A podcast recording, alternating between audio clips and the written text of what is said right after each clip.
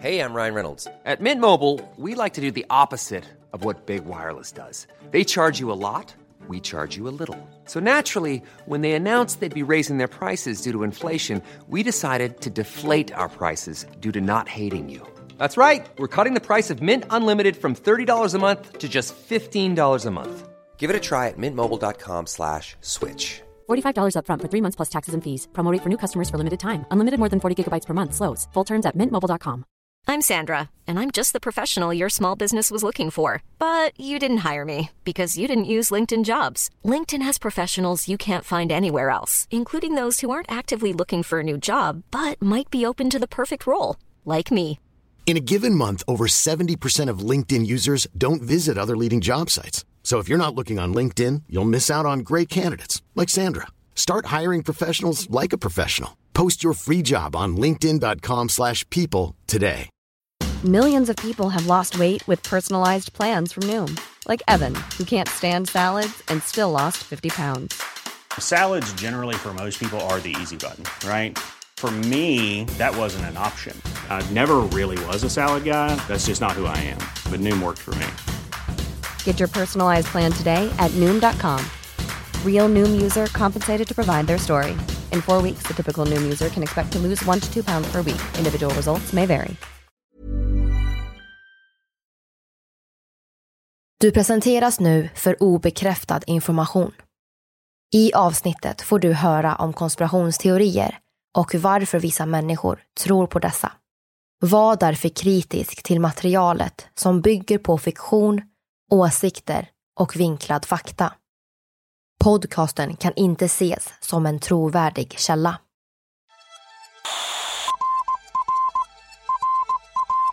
Sveriges statsminister Olof Palme är död. Mordet har granskats i mängder av utredningar men egentligen vet vi inte så mycket mer idag än vad vi gjorde under själva mordnatten. Du lyssnar på konspirationsteorier. En podcast med mig, Vivi. Och mig, Aida. Och det här är en annan sida av historien om mordet på statsminister Olof Palme.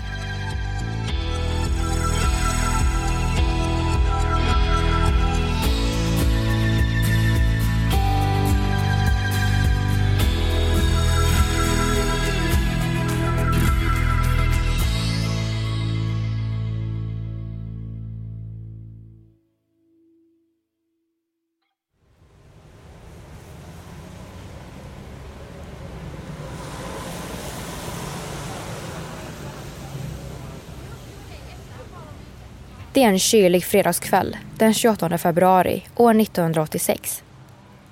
Gatorna är blöta och Stockholms karaktäristiska skyltar av neonlampor lyser längs butikernas skyltfönster. På bland annat Sveavägen finns en typisk sådan skylt. Ovanför porten till biografen och filmpalatset Grand som ligger i centrum. Här visas filmer om allt från romantik och science fiction till komedier och skräck. Strax efter klockan 23 lämnar en mycket välkänd man biografen för att promenera hem. Mannen är Socialdemokraternas partiledare och Sveriges statsminister Olof Palme som tillsammans med sin fru Lisbeth, sin son Mårten och hans flickvän stannar upp för ett kort samtal innan de skiljs åt. Olof och Lisbeth vinkar hej då innan de går längs Sveavägen mot Gamla stan. Helt utan eskort av livvakter. Vad de inte vet är att mannen som kommer skjuta Olof Palme befinner sig nära. Kanske till och med inom en radie på 50 meter. Men det är mycket folk utanför biografen och människor skyndar sig fram i det kyliga vädret. Om mindre än tio minuter kommer Olof Palme vara död.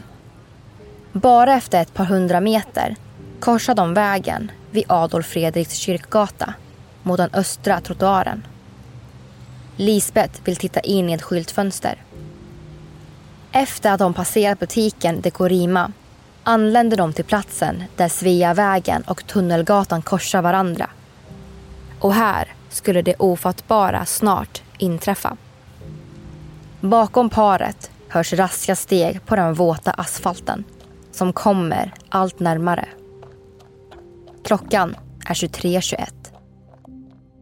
Innan paret hinner reagera hörs ett ekande ljud. Ett pistolskott. En man har kommit upp bakom paret och skjutit Palme med pistolen bara omkring 10-15 centimeter från honom. Efter det här går allting snabbt. Skottet träffar Sveriges statsminister i ryggen. Skottet träffar Sverige och världen. Ja, det är mord på Sveavägen. Du, är det något skottdrama i stan där med någon... Ja, de har skjutit en stackare här hördu. På Tunnelgatan Sveavägen. Olof Palme. Är det sant? Ja! Sant? Vår statsminister? Ja, våra statsminister. Sveriges statsminister, Olof Palme, avlider strax innan halv tolv på natten. Nyheten om hans död når snart hela världen. Men vem var egentligen mannen som mördade Palme? Vart tog han vägen? Och var finns han nu? Det ska vi prata om idag när vi ska diskutera en konspirationsteori om mordet på statsminister Olof Palme.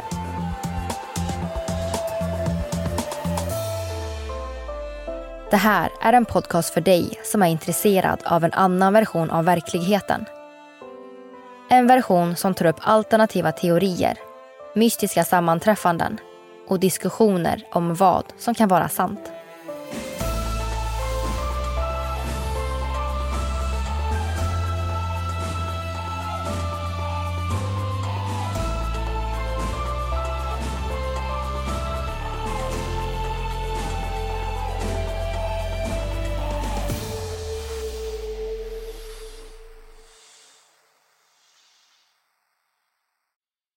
Olof Palme föddes år 1927 i Stockholm.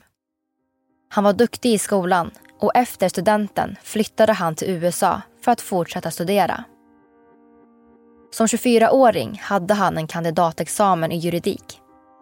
Den politiska karriären blommade upp på 50-talet då han var aktiv i Sveriges socialdemokratiska ungdomsförbund, SSU och personlig sekreterare åt Tage Erlander. Sveriges dåvarande statsminister. När Tage Erlander avgick år 1969 blev 42-årige Olof Palme vald till Sveriges statsminister. Trots några dåliga år för Socialdemokraterna fortsatte Palme vara partiledare och när Socialdemokraterna segrade i valet 1982 blev Palme återigen statsminister. Det finns givetvis mycket att säga om Palmes stora engagemang för människor och hans kamp för fred. Han inspirerade och berörde många i sin roll som statsminister och det fanns en stolthet bland Sveriges befolkning över att kalla honom vår ledare. For the people of the world. He was a man of the world and for the world. In everything he did and said. Vi inleder vår berättelse om konspirationsteorierna om Olof Palmes mord och går tillbaka till hans sista minuter i livet. När paret Palme passerade Tunnelgatan ekade plötsligt ljudet från en pistol bland husen. Det dödande skottet hade avfyrats nära och gått rakt in genom Olof Palmes jacka och ut genom skjortan och slipsen. Bara några sekunder senare kom nästa skott. Denna gång mot Lisbeth. Ett skott som endast skadade henne i ryggen. Troligtvis stod hon vriden så att hennes rygg var näst intill parallell med den avfyrande kulans kastbana. Vilket gjorde att kulan bara nuddade henne och lämnade ett skrapsår på skulderbladen. Mördaren stod still ett tag. Kanske för att säkerställa att båda fått ett dödande skott. Han vet att han har träffat Palme. Men Lisbeth rörde sig när han avfyrade skottet vilket gjorde att han kanske missade henne. Eller kanske träffade hennes lunga. Gärningsmannen fick fart på fötterna och sprang mot öster på Tunnelgatan och tog sig sedan upp för de välkända trapporna springandes mot David Bagares gata, tror vi. Av ett vittne som gömde sig mellan barackerna så uppfattas gärningsmannen som spänstig och snabb i sina rörelser. Han var borta på bara några sekunder. Runt Lisbeth samlades en grupp människor. De försökte hjälpa till och Olof Palme fick hjärt och lungräddning av en sjuksköterskestudent. Senare ska det kommit fram att hans liv var bortom räddning. Att han dog i princip samma sekund som skottet ekade ut i korsningen Sveavägen-Tunnelgatan. Två minuter efter skotten mot paret Palme inkom ett samtal till larmcentralen från Järfälla Taxis växeltelefonist som ville larma om att en av deras taxichaufförer ska ha bevittnat ett mord och bett växeln att larma polisen. Snart kommer det vimla av folk på platsen. 90 000. Mm, hej, det var Järfälla Taxi. Hej. Eh, Tunnelgatan vid Sveavägen. Ja. Det är en kille som har blivit skjuten. Och antagligen kommer han behöva en ambulans. Jag har ringt polisen, men jag vet inte om de har ringt er. Nej, Tunnelgatan, Sveavägen sa du? Vid Sveavägen. Och skjuten sa du? Ja, polisen är på väg dit också. Det? Och var- Är det någon taxi från er där på platsen? 2517 heter han som står kvar där tills polisen kommer. Mm, men då, då kommer vi på en gång. Hörru. Den första polispatrullen kom på plats följt av en ambulans som av ren slump befann sig i närområdet. Tio minuter efter att skotten avfyrades rapporterade ambulanspersonalen att de anlänt till sjukhuset Sabbatsberg där Sveriges statsminister Olof Palme dödsförklaras ett par minuter efter midnatt den 1 mars 1986. Kvar på Sveavägen låg gärningsmannens enda spår. Två kulor, möjligtvis av typen 357 Magnum från tillverkaren Winchester Western. Och kvar på den breda trottoaren låg en blodpöl. Av vår statsministers blod. Statsminister Olof Palme är död. Han mördades mitt i centrala Stockholm strax efter klockan 11 igår kväll. Tidigt på lördagsmorgonen gick vice partiordförande Ingvar Carlsson ut i en första presskonferens. Det var nu han som skulle axla rollen som statsminister i Palmes ställe. Efter eh, mordet eh, på Olof Palme har regeringen varit samlad under natten. Olof Palme lämnar efter sig ett stort tomrum i svensk politik. Det är omöjligt att nu sammanfatta vad han betytt för landet och för världen. I sorg berättade han om Palmes stora och betydelsefulla roll för svensk politik som skulle vara enormt saknad. Han var en otroligt omtyckt ledare, både i Sverige och i världen. Att han nu brutalt mördats i centrala Stockholm var därför omöjligt att förstå.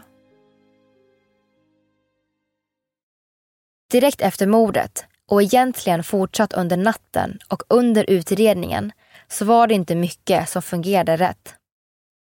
Man skulle helt kunna säga att det var kaos på Polismyndigheten i Stockholm. Brottsplatsundersökningen var ännu i princip icke-existerande. Några av misstagen gjorda av polisen under den kvällen har kanske resulterat i att vi aldrig kommer få veta vem mördaren är.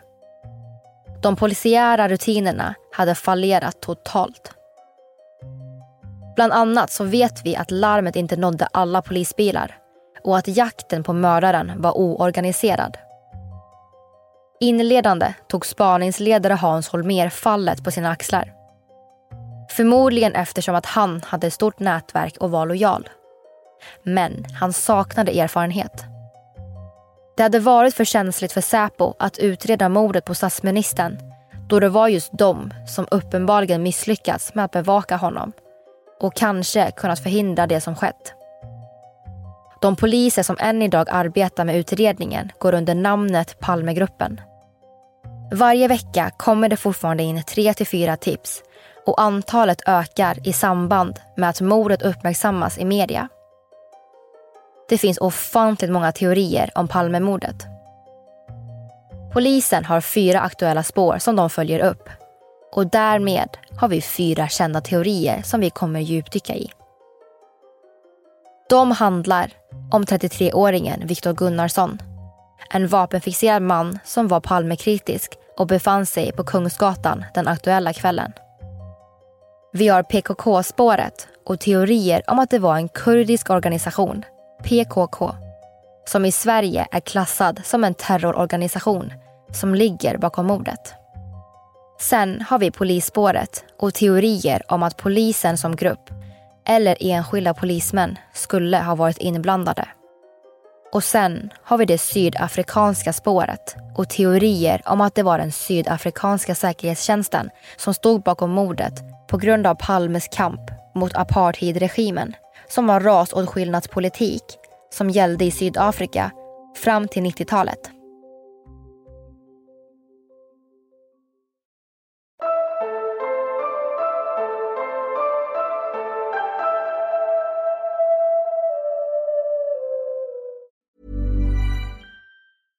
Cool fact a crocodile can't stick out its tongue. Also, you can get health insurance for a month or just under a year in some states. United Healthcare short term insurance plans, underwritten by Golden Rule Insurance Company, offer flexible, budget friendly coverage for you. Learn more at uh1.com. Hey, it's Ryan Reynolds, and I'm here with Keith, co star of my upcoming film, If, only in theaters, May 17th. Do you want to tell people the big news?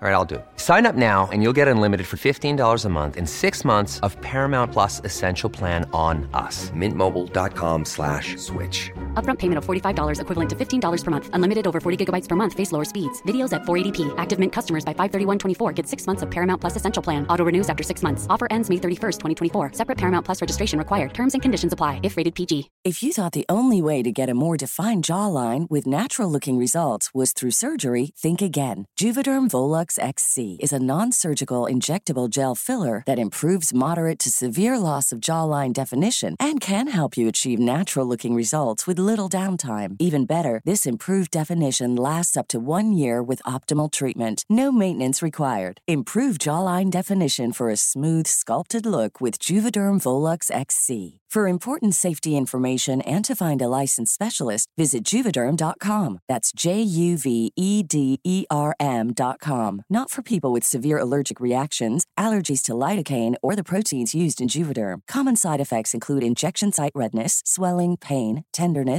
firmness, lumps, bumps, bruising, discoloration, or itching. There's a risk of unintentional injection into a blood vessel, which can cause vision abnormalities, blindness, stroke, temporary scabs, or scarring. Talk to a licensed specialist to find out if it's right for you.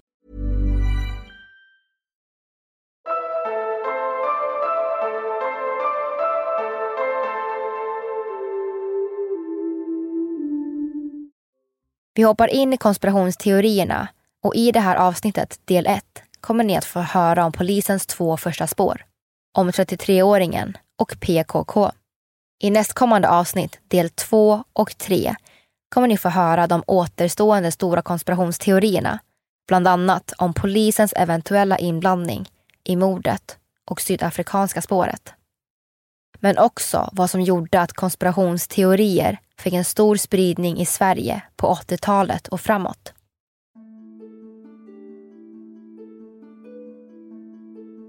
Så vem kunde mördaren vara? Dagen efter mordet mottog polisen deras första tips. Ett tips som fortfarande är en stor del i konspirationsteorierna om Palmemordet. Tipset handlade om Viktor Gunnarsson. Men många av oss känner istället igen honom och teorin som 33-åringen. Viktor Gunnarsson var vid tidpunkten en 33-årig man som befann sig på Kungsgatan den aktuella kvällen. Efter mordet tipsade flera personer om att de hört Palmehatiska uttalanden från Gunnarsson och vittnen kunde även senare peka ut honom vid Tunnelgatan och Grand. Polisen följde upp spåret genom att hämta in honom till förhör där det till slut medgavs en misstanke om delaktighet i Palmemordet. Han var en politiskt engagerad man och medlem i Europeiska arbetspartiet som då var en öppet Palmekritisk organisation. Statens kriminaltekniska laboratorium, SKL, idag Nationellt forensiskt centrum, kunde även se att Viktor Gunnarsson bar på spår från ett avfyrat vapen. Men man kunde inte se vilket. Alltså kunde man inte bevisa att det var just det vapnet som hade mördat Palme. Och trots att polisen fortsatte undersöka Gunnarsson så hittade de inga fler konkreta bevis som menade att han var mördaren. Därför försattes han omedelbart på fri fot. Men vad säger konspirationsteoretikerna om 33-åringen? Vissa tror att han ingick i en konspiration. Kunde han ha gjort det här på order av någon annan? Det finns några konspirationsteoretiker som bland annat tror att den amerikanska underrättelsetjänsten CIA varit inblandad i Palmemordet. Kanske även FBI. Om Gunnarsson arbetade för dem så kunde Palme elimineras utan att riskera att blanda in USA för mycket.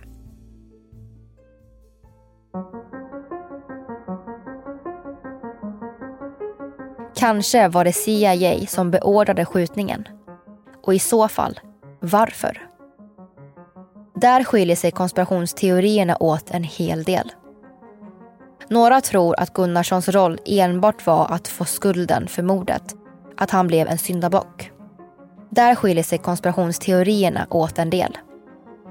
Om CIA var inblandade kanske det var fler personer som arbetade tillsammans under fredagskvällen när Palme mördades. Alltså finns det kanske inte enbart en gärningsman. Andra tror istället att Gunnarsson utförde mordet och att han var en ensam Palmehatare. Kanske fick han träning och var utbildad av FBI och arbetade som CIA-agent i Sverige. Han dog 1994, mördad i North Carolina i USA. 33-åringen försvann in i skuggan av det politiskt laddade PKK-spåret och Ebbe Carlsson-affären.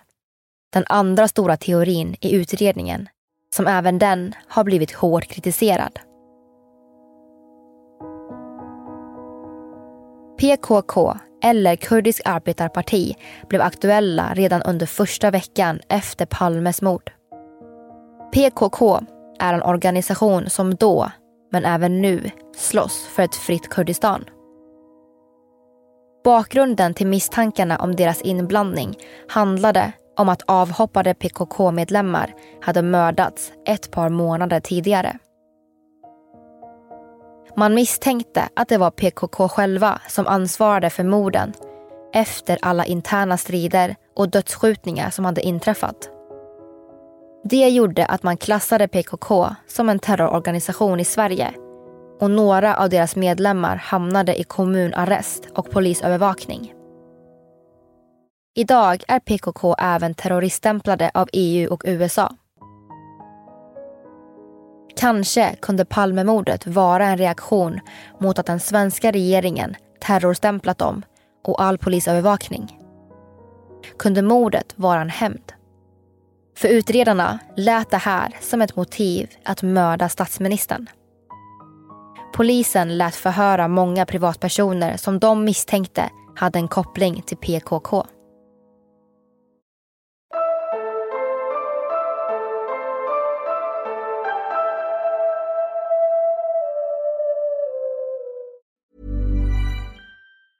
Even when we're on a budget we still deserve nice things.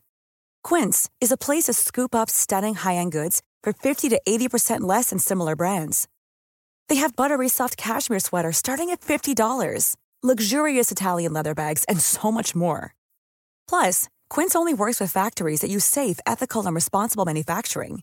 Get the high-end goods you'll love without the high price tag with Quince. Go to quince.com/style for free shipping and 365-day returns.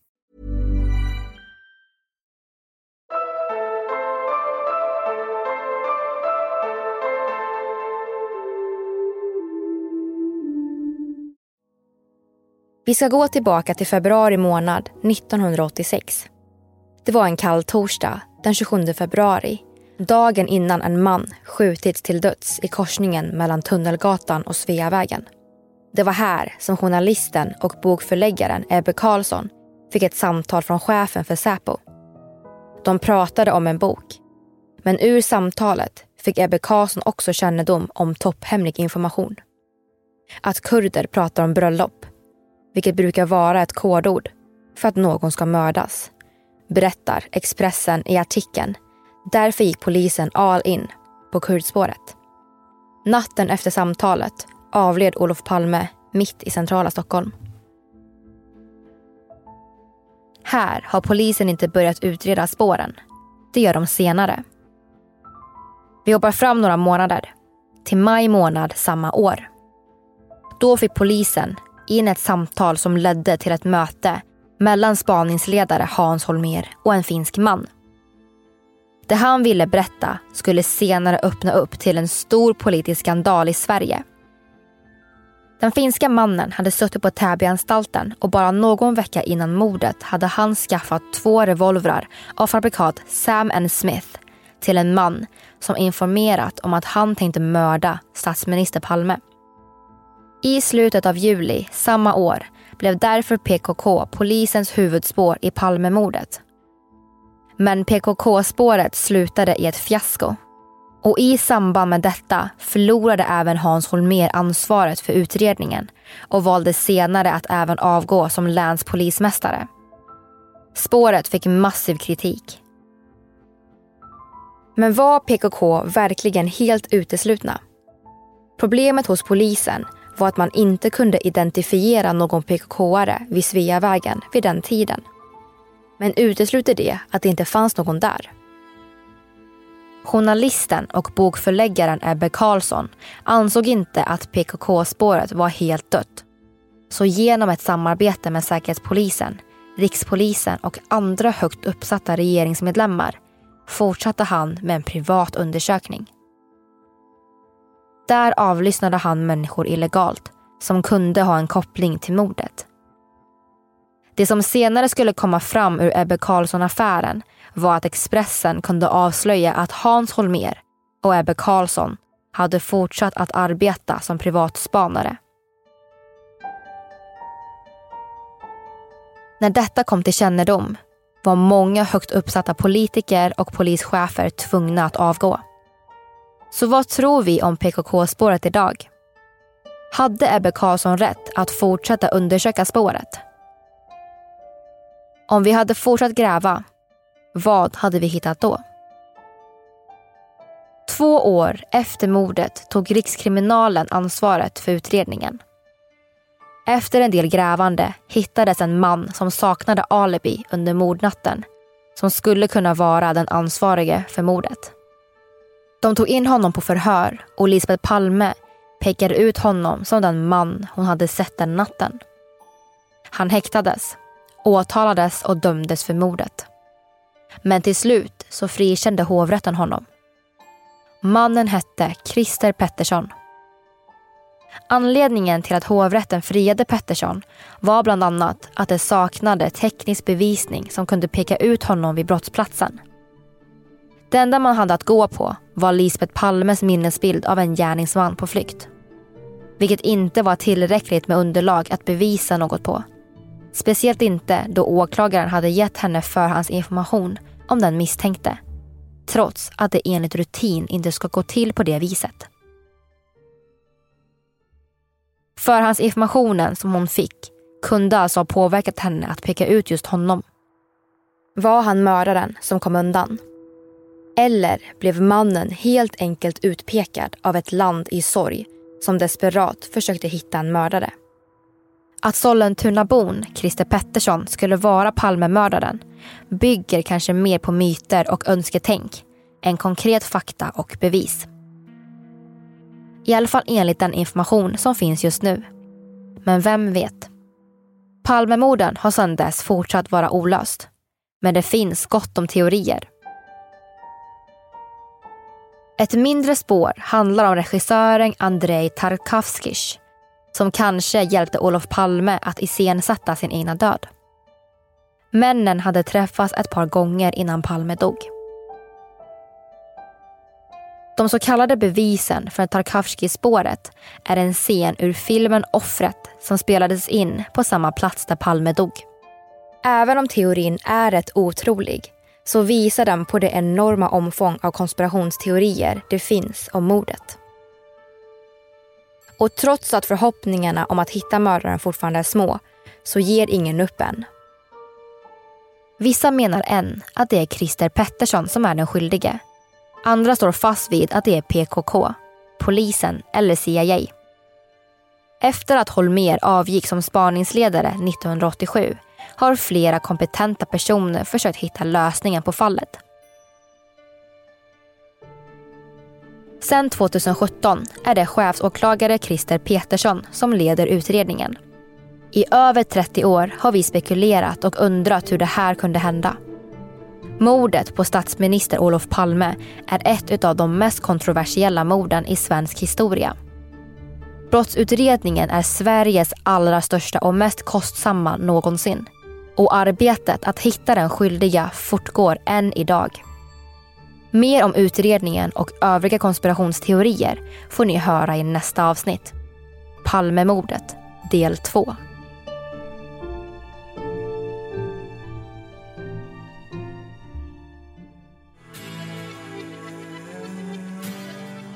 Du har lyssnat på podden Konspirationsteorier, del 1 av Palmemordet. Missa inte nästa avsnitt där du får höra fortsättningen.